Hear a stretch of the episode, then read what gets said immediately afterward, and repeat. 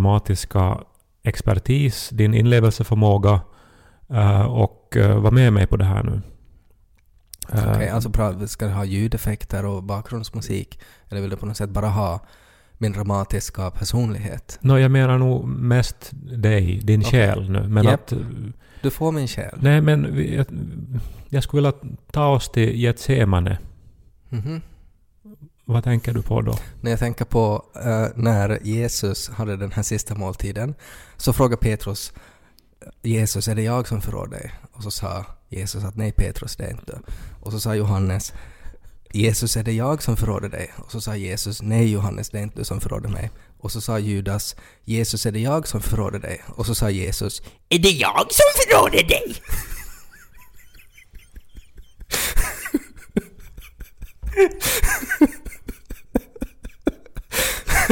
Det tänker jag på. När du säger Getsemane. Ja.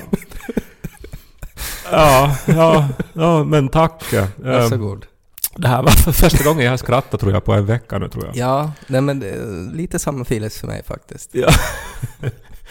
Nej, för det var alltså mitt personliga Getsemane jag, jag ville komma fram till egentligen. Alltså, är, det, är det en flod eller en, ett träd? För jag kan inte Bibeln så bra. Getsemane är en trädgård och, Just och, det är ju kanske alltså stilla veckan är ju en väldigt uh, uh, händelserik vecka i Bibeln. Det, vilket är ju löjligt att det, har, att det då heter Stilla veckan när det faktiskt... Det borde ju heta Actionveckan. För det är ju liksom nu som shit gets done. no, det är allting i Jesu liv kulminerar ju då Ja. och, och därför firar vi påsk. Det här vet Mm. vi allihopa. Mm. Men, men att jag, jag tycker att den mörkaste stunden är ju då i Getsemane. Uh, och alltså dagen innan... Är det då som han ber till, till Gud och undrar varför han har gett upp honom? Nej, det är på korset. Alltså, kan, Ah. minns du ingenting? Nej, jag minns att Momo hade en tavla där Jesus var i Getsemane, tror jag. Och han såg lite ut som en cocker spaniel när han tittade upp mot himlen och bad.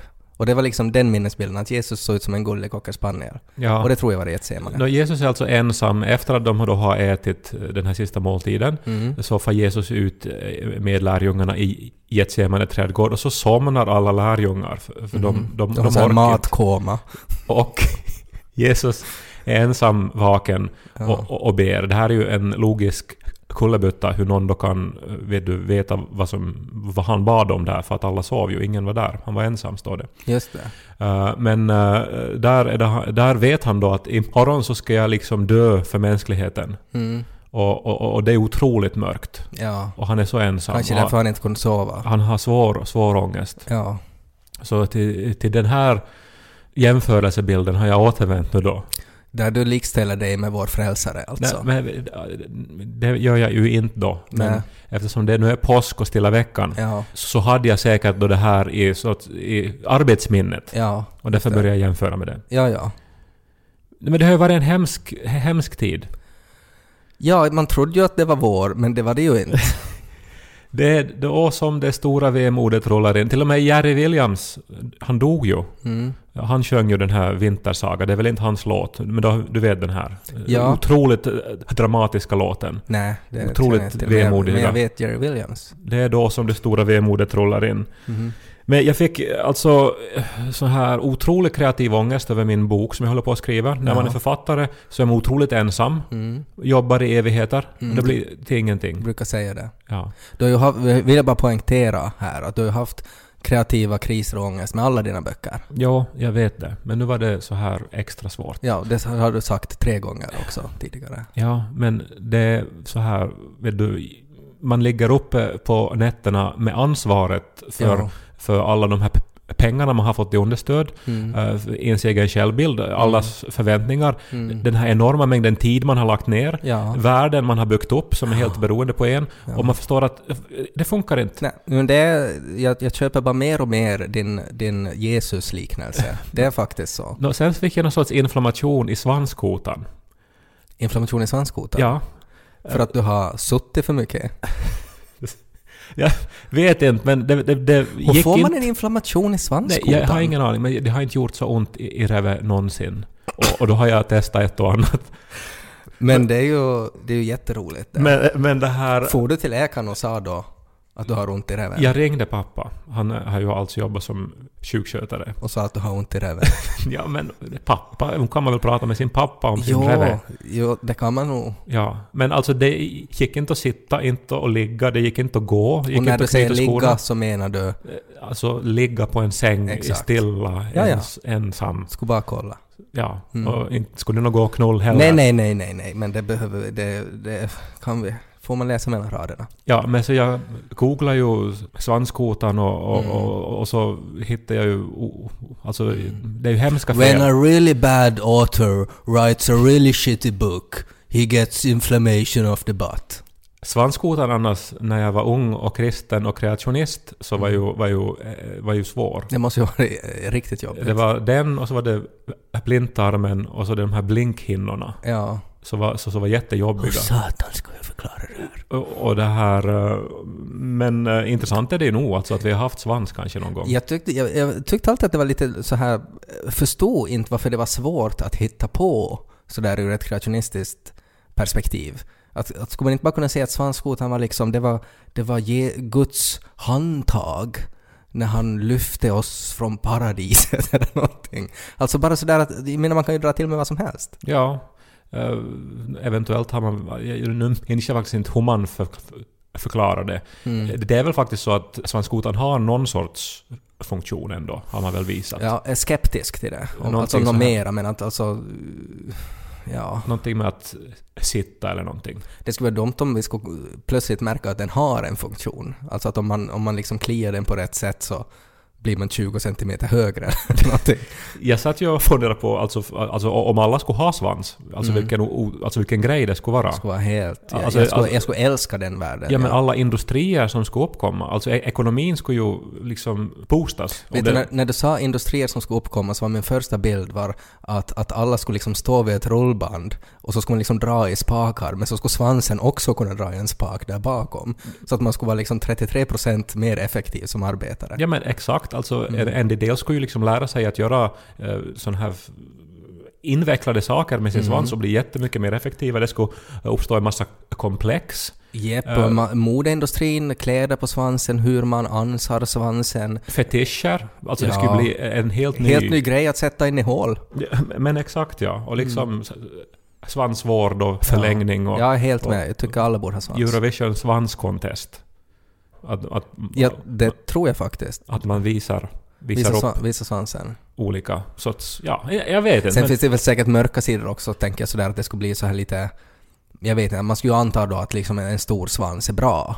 Om man, om man tänker nu Gösta Knutsson och Pelle Svanslös och sådär. Att man vill ju ha en stor svans då. Att kanske det, det skulle bli något så här att man skulle föredra då partner som har stora svansar och Ja, sådär. men helt säkert. Mm. Men ja, men åter nu då till Getsemane kanske. Ja. Alltså att eh, då låg jag där då eh, Mm. med kreativ, otrolig så här Jesusångest. I reven. Och, och så jätte... Och, vet du, att det gick inte att röra sig. Om man rörde sig så skrek jag. För Ja. det var som en kniv i, genom hela Reven. kroppen. Ja.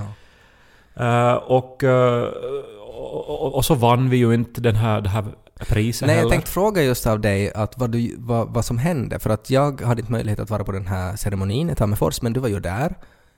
Ja, Och, no, och så fick, nej, och jag fick bara ett sms av dig där det stod att vi vann inte. Utan någon sån här sorts förklaring. För att, Tack för ditt stöd annars när jag åkte dit och representerade nej, oss. som sagt, jag kunde inte fara dit. Skulle jag kunna så skulle jag ha varit. Men, men i alla fall så, alltså, b- b- gjorde du bort dig på något sätt?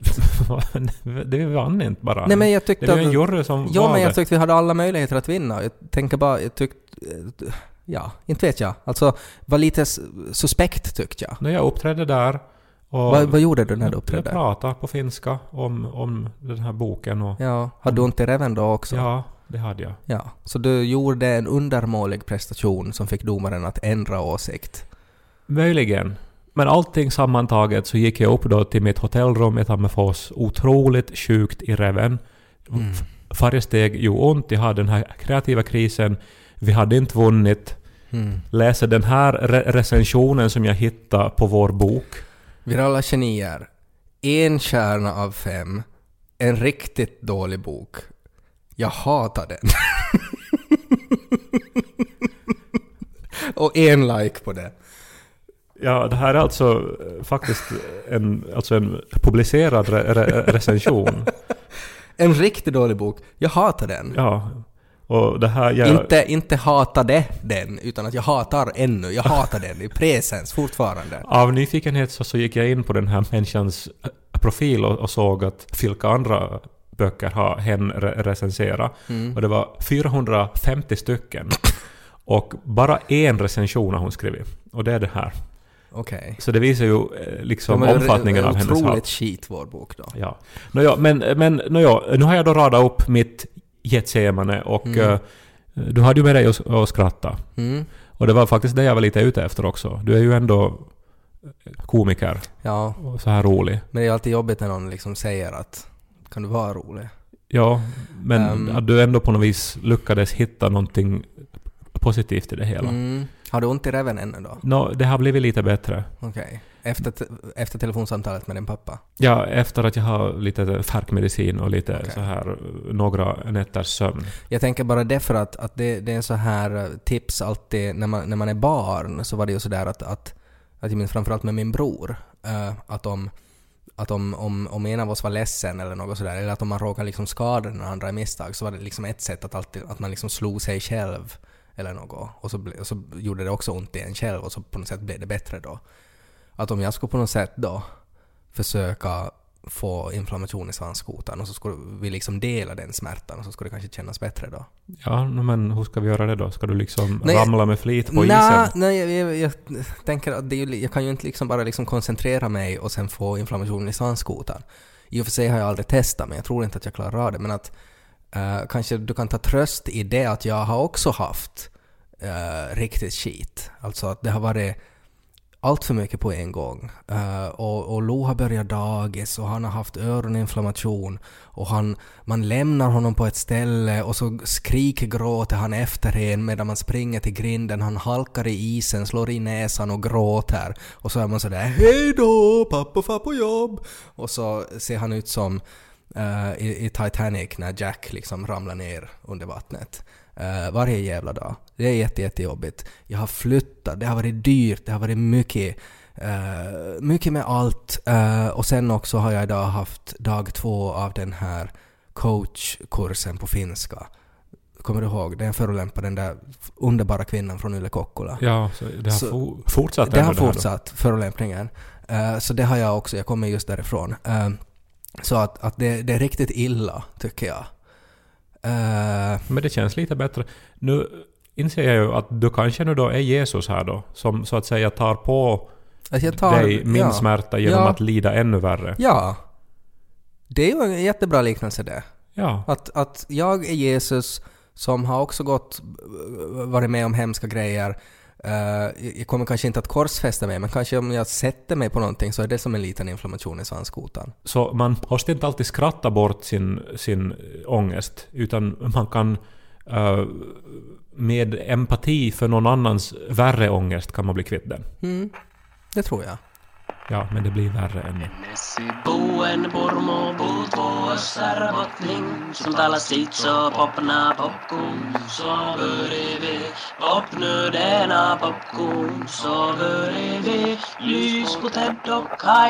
Men sen då när jag låg där då i Getsemane eh, och eh, det var som allra värst så for jag in på, på nätet. Och, och så läste jag Tror nyheterna. du Jesus gjorde också att när han liksom låg där då och alla andra sov, var mätta och han låg där, hade ångest och var sådär att men ska jag gå och kolla på Instagram en liten stund och så får han FOMO och för allt vad, liksom ser en massa fester som är liksom i övermorgon när han är död och sådär. Och uh, allt var kul som han har missat. Det är ju intressant, om Jesus skulle ha haft en eh, smartphone, skulle han ha Mm. använt den i Getsemane? Skulle han ha uppdaterat någonting? Vad skulle det ha varit? Kanske någonting sånt? YOLO. Och sen så här at location Getsemane. Men nåja, YOLO? Frågetecken. ja, men det som var så underligt var att just då när jag var som mest nere så, Mm. så var det bara dåliga nyheter också. Mhm. Och, och det var som så pass dåliga nyheter att det inte kan vara liksom, tror jag i alla fall, en slump. Att algoritmerna hade i princip liksom kurerat dåliga nyheter speciellt anpassad för dig. Ja, Att det tog liksom extra illa i ditt huvud. Eller att faktiskt hela världen just då var liksom på någon sorts eh, pottenpunkt. Mm. Här kan du bli miljonär om du inte har inflammation i svanskotan. Nå, men jag undrar nu då, alltså, eh, för att nu just så lyckades du ju eh, ändå göra mig lite glad Mm. genom att skoja Ja, och sen genom att vara Jesus. ja. Eh, Så skulle du kunna nu som eventuellt om jag berättar de här nyheterna som jag hittade Mm. Så skulle du ändå kunna hitta någonting roligt i dem Mm. eller så skulle du berätta någonting som är ännu värre. Alltså du Ja. ändå komiker eller Jesus. Det här känns ju som att det här är ett beslut som jag dagligen står inför i de flesta situationer. Och jag tänker också framförallt sådär i egenskap av pappa eller eh, sambo så är det också sådär att, att det är egentligen så här att ska vi, ska vi kämpa bort det här eller ska, ska jag liksom ge syndernas förlåtelse på något sätt? Det första som når mig då så är eh, då meddelandet om att eh, universum kan upphöra att existera när som helst nu. Mhm. Och har de räknat ut. Okej. Det är ju den här Higgs-bosonen. Ja, Vad vet Den- du om den? nå att den är liten och jävlig. Ja, de ägnar ju många år åt att försöka hitta den. Det är ju alltså en partikel eh, från den här... Alltså en e- elementar partikel. Mm. Men som, som är speciell. Mm. För att den så att säga håller... Alltså den gör att alla andra partiklar har massa. Mhm. Och så hittar man den då i CERN för några år sedan. Man, eller man hittade väl den inte, man bevisade att den fanns. Mm. Men nu har man räknat ut att... Som inte funkar i kurragömma tycker jag. Om man tänker sådär att man letar någon. Så då ska man nog faktiskt hitta den där typen. Att man kan inte liksom så här vetenskapligt så här att konstatera att vi ser att här är en person under duken. Men att det räcker ju inte. Att han, man måste nog liksom ta fram honom. Det var en hel del kurragömma på senaste tiden med Lo bara. Ja, och de har ju så dåliga regler barn också. Nej, men han sitter ju alltså på vardagsrumsgolvet och så sätter han en filt på sig och säger pip. Och jag, och jag ser honom genast. Och så drar jag bort filten och så skrattar han och är så här ”Jag hittade dig, wow!” och så säger han ”Igen!” Och så får jag och räkna någonstans och så kommer jag tillbaka till vardagsrummet och så sitter han där på samma ställe med samma filt på sig. Ja, no, det, det är ju tragiskt på något sätt. det det. Är det. Men eh, ja, eventuellt så var det där nu då det här Jesus då, hade du beskrev någonting ännu värre här. ännu värre. Eh, Ja. ja. nej men, men, men nu då så har de då räknat ut, forskarna då, att eh, det kan alltså hända när som helst en sorts kvantfluktuation Mm. som gör att Higgsbosonens massa ändrar, Mm. som då skapar ett vakuum där Ja. det händer, Ja, som sen sprider sig med ljusets hastighet ja. genom universum. Och så förintas allting. Allting förintas. Ja, men det här, jag tycker inte att det här känns som en nyhet. Alltså lever vi inte på något sätt så här ständig... eh, jag menar, vi lever ju för- förstås med entropi, liksom att allt kommer att försvinna, det tar bara tid. Men har det inte varit, tycker jag, varje dag är det sådär att idag kanske universum försvinner. Men det är som också att det här kan alltså ha hänt redan någonstans i universum. Mm. Så att utplåningen är på väg hitåt nu med ljusets hastighet och det gör att vi inte ens får någon chans att förbereda oss. Snart börjar man se hur stjärnorna, liksom de stjärnor som är längst bort så slocknar en efter en och så kan vi räkna ut att okej, nu har vi liksom tre dagar på oss tills också vår stjärna kommer att slockna. Otroligt obehagligt. Ja, Fast nej, det skulle inte bli så heller. För att ljuset från stjärnorna skulle ju liksom eh, behöva också ljusets hastighet för att ta sig hit. Så att när de slocknar så är det ju alldeles för sent. Då försvinner ju vi samtidigt. nu känner jag hur jag börjar få lite inflammation i svanskotan. Då sen så var mamma ledsen. För att du bara pratar med din pappa om att du har ont i räven? Nej, hon, hon ringde och var arg och förbannad. Jaha. På Jari Sillanpää. På Jari Sillanpää? Ja. Ska jag säga hur arg hon var? Ja. Och eh, hon... Alltså hon, hon, hon tycker ju så mycket om Jari Sillanpää. Ja, men vems mamma gör inte? Ja, och nu har han då använt... Han är ju, det är ju liksom hela hans brand är ju egentligen att mammor ska tycka om honom. mm, men nu har han ju använt knark igen. Ja. Så mamma blev nu så arg så hon har kastat bort sitt Jari Sillanpää-kaffe. Och, och, och det här är alltså allvarligare än ni tror nu. Ja, det här är alltså för att en österbottnisk kvinna ska slänga någonting. Oanvänt. Alltså inte Oan- ens att hon vet du som drack upp det. Nej, utan att hon slänger någonting oanvänt. Så det, det, det kräver, det är en otrolig ansträngning. Och att sen slänga kaffe, som är ju, det är ju som att slänga pengar egentligen. Eller hur? Och, Nästan värre än det. Och, och liksom, det här var ju också någon sån här special Sillanpää-kaffe Mm. som jag antar att hon har måste åka långa vägar med husbil för att köpa Ja. från någon bybutik. Och som har varit en vardaglig glädje i, i hennes eh, tristess alltid när hon öppnar skåp, skåpet och ser att där är Jari Sillanpää och ler mot henne. Och så kanske hö- hör hon lite av hans musik. Och nu är han bara någon jävla knarkare. Ja men alltså nu är det ju... Nu är det ju Men var hon arg? Hon, hon, hon, hon ville bara på något sätt liksom öppna sig för dig då? Eller tyckte hon att du på något sätt var personligt skyldig då för, för vad Jari Sillanpää har gjort? nej, hon var- bara så upprörd att hon säkert måste få dela det med någon. Mm. Men du förstår den här typens nyheter. Alltså min äh, mamma ringer aldrig till mig och pratar om nyheter. Nej. Nej, nej, jag menar inte om man ligger i ett hotellrum i Tammerfors, har otroligt ont i räven, man har just gått miste om ett fint pris. Inte vill ju att ens mamma ska ringa och vara upprörd då heller, att man vill ju åtminstone att hon ska vara glad så att hon kan liksom trösta en. För nu fick du ju ingen tröst av henne heller, för att hon var ju alltför arg på Jari Sillanpää. Det var det mörkaste av mörka. Mm. Du, är så, du, du är liksom inne i en grotta och du har inte kommit ut ännu. Och du famlar i mörkret. Med ont i räven och vet inte hur du ska komma ut. Ur led är tiden. Ja, är det Tranströmer? Det är Shakespeare. Just det.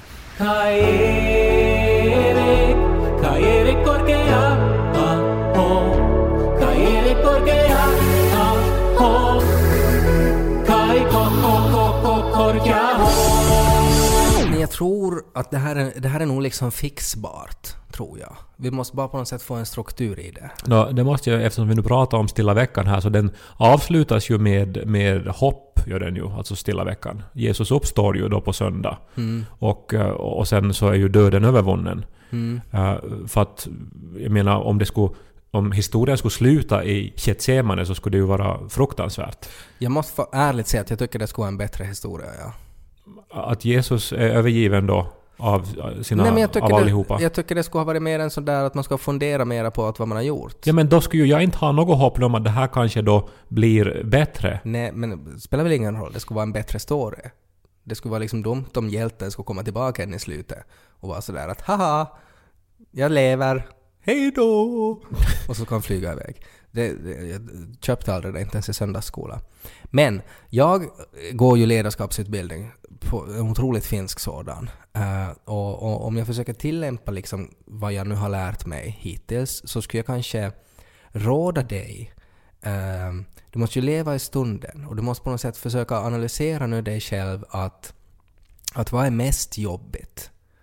Att ta liksom en sak i taget. Att av de här grejerna, är det att du har ont i reven, att Jari Sillanpää har blivit tagen med metamfetamin och din mamma är ledsen, eh, eller att, att universum kan implodera när som helst. Vilken av de här tre sakerna tycker du liksom för Kai Korkeaho är jobbigast just nu? Nå, så pass liten är man ju som människa. Det som ju rör en starkast är ju eh, det som rör den egna kroppen. Mm. Så eh, alltså även om jag nu idag har det lite bättre ställt i räven, Mm. eh, så, så nog var det ju räven som var värst av här. var värst. Och, och, och då- var det, det var liksom en sorts fysisk smärta som på något sätt också genomsyra allt annat. Jag kan tänka mig att Nico har haft ganska jobbigt nu.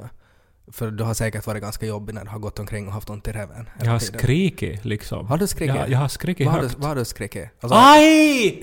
jag trodde att du hade liksom skrikit liksom Nico!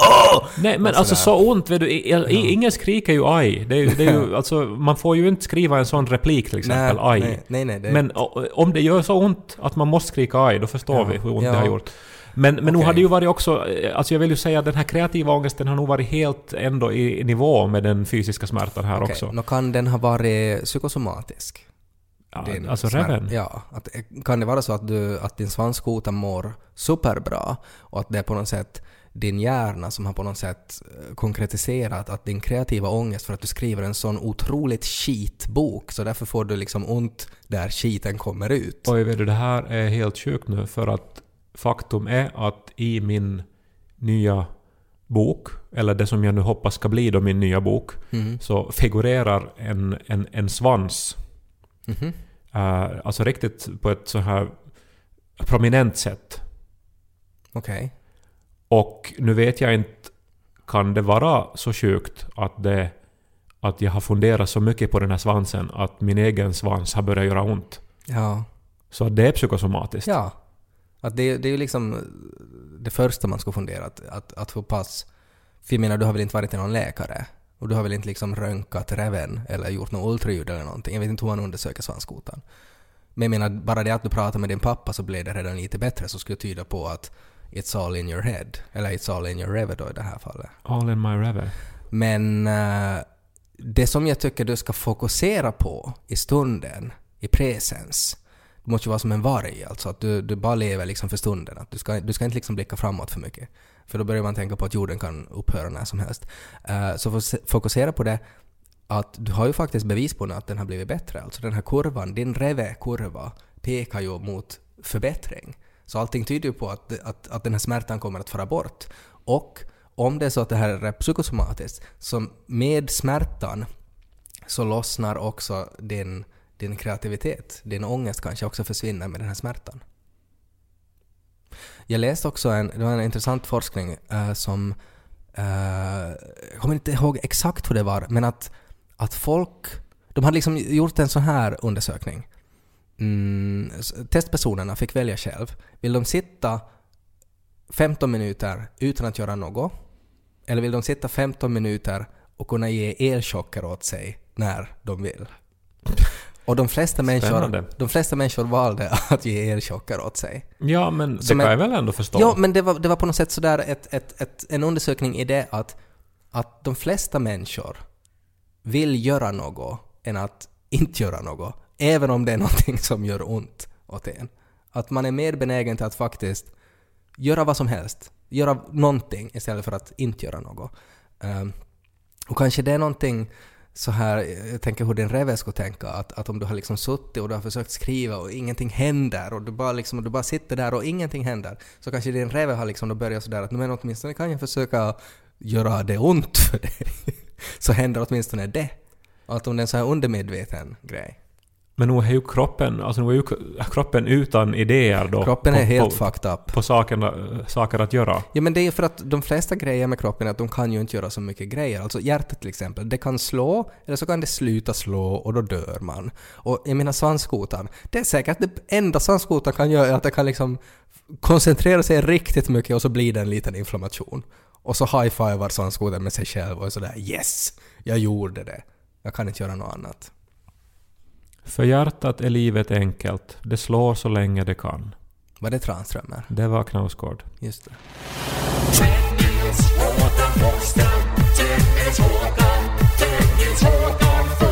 Så du, du har ju börjat låta som en sån här ledare nu. En sån här som tar eh, otroligt eh, mycket pe- pengar på faktura för att gå då till något företag och hålla en timmes eh, föreläsning då om just någonting sånt här. Att hur man ska ta sig iväg från någon, ett hinder eller någonting. Mm. Jag är en utmärkt problemlösare. Ja, men, Och eh, jag till och med nästan lyssnar för mycket ibland. Har jag fått som feedback. men Hur kan, man, hur kan man lyssna för mycket? Det betyder ju att jag smyglyssnar på folk när jag inte ska lyssna där. nej, det betyder att du pratar för lite väl? Att du tar för lite plats? Det måste det betyda. Nej, det är inte samma sak.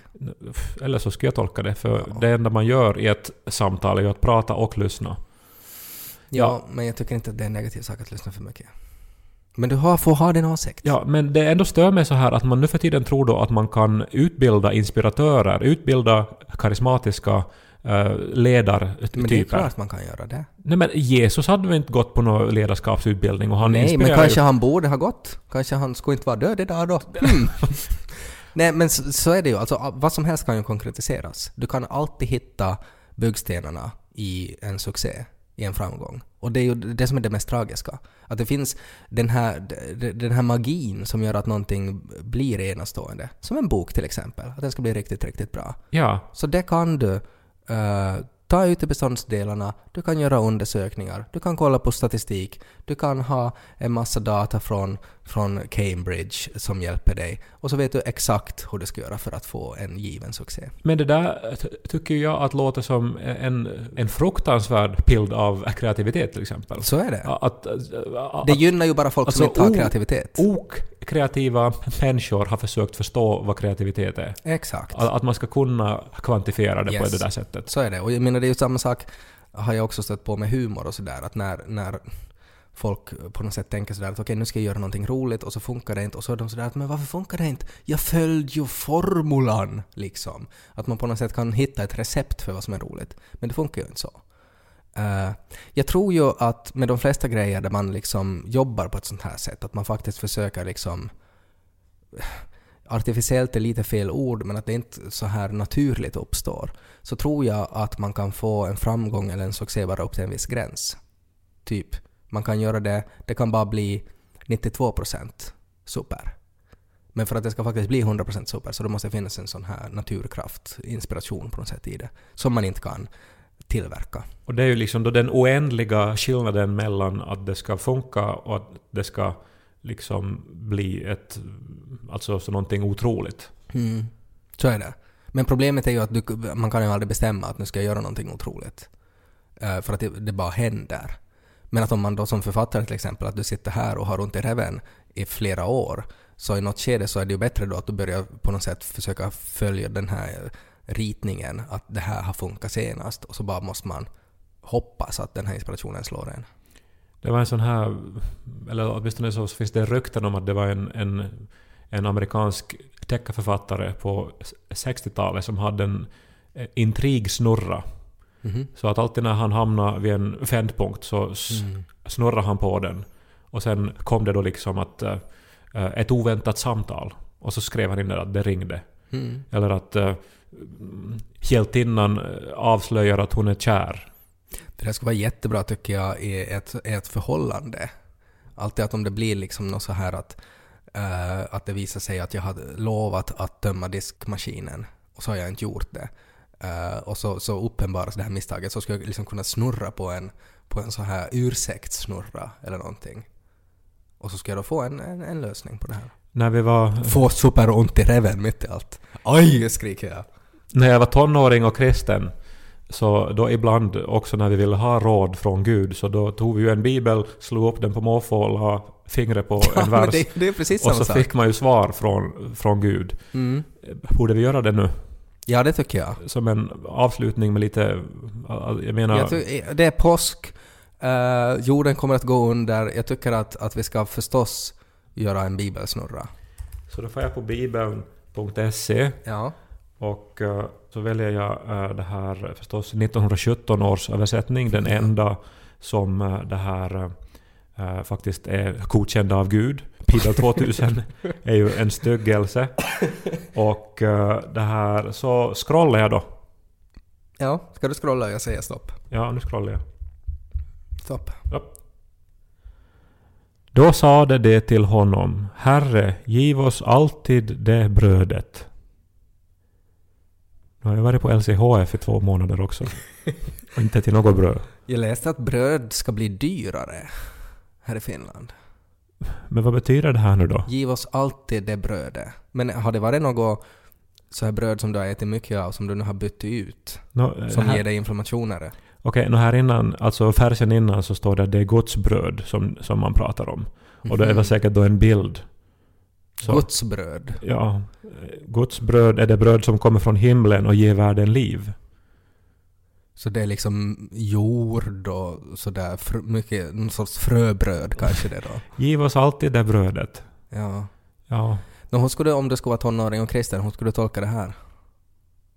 jag tror jag skulle slå upp igen. För att jag förstod inte. ja men det får du ju inte göra. Då fuskar man ju.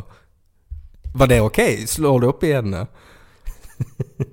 Det här passar ju faktiskt bra nu då. När Jesus hörde detta sade han Den sjukdomen är icke till döds utan till Guds förhärligande. Okej, det, det, jag tycker vi kan ändra. Alltså, det, är ju, det här är ju ett bönesvar. Ja. Alltså, du har sagt, du har klagat hela podden om att du har ont i reven och du har kreativ ångest och jorden kommer att gå under. Och, som, och allt det där på något sätt. Det är ju inte bara det att du har ont i reven, utan jag tycker allt det där kan ju Jesus kalla till en sjukdom. Precis. Allt, att man mår dåligt och har ångest, ja. Ja. Men det är till Guds förhärligande. Ja. Ehm, och det tolkar man då som att Gud är ett asshole. Nej, nej, men det finns ändå någonting positivt. Att Gud... Gud, har en plan. Ja, eller så här att, att något, något bra kom ur det. Alltså Ja. Gud blev förhärligad. Men också det här med sätt. att, att Jari Sillanpää har suttit i Butkan då. Är också... Guds förhär... Liksom att din mamma blev arg på Jari Sillanpää.